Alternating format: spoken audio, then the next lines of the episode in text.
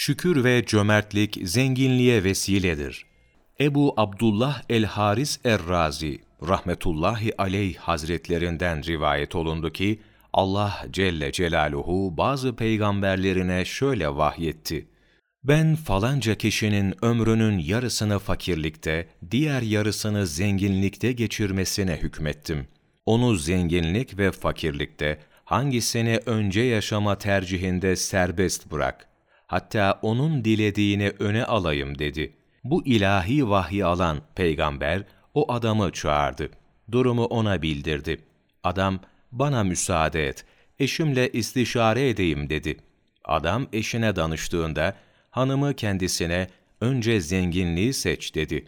Adam karısına, zenginlikten sonra fakirlik zor ve şiddetlidir ama fakirlikten sonra zenginlikse güzel ve tatlıdır dedi. Kadın çıkıştı. Hayır, bu konuda beni dinleyeceksin dedi. Adam peygambere gitti. Cenabı Allah'ın bana tercihini bıraktığı ömrümün yarı zenginliğinin, ömrümün ilk başında bana vermesini dilerim dedi. Cenabı Allah ona dünyada genişlik verdi. Zenginlik kapıları açıldı. Adamın eşi kendisine, eğer sen bu zenginliğin ömrünün sonuna kadar sende kalmasını istiyorsan, Allah'ın sana verdiğiyle sen de mahluklarına karşı cömert olmada kullan, dedi. Adam cömert oldu.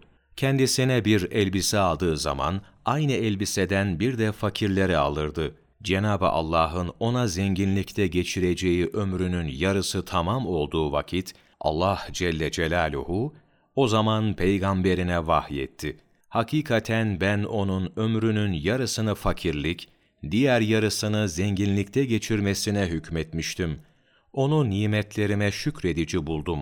Şükür, nimetin artmasını gerektirir. Ona müjde ver. Onun ömrünün geri kalanını da zenginlikte geçirmesine hükmettim buyurdu.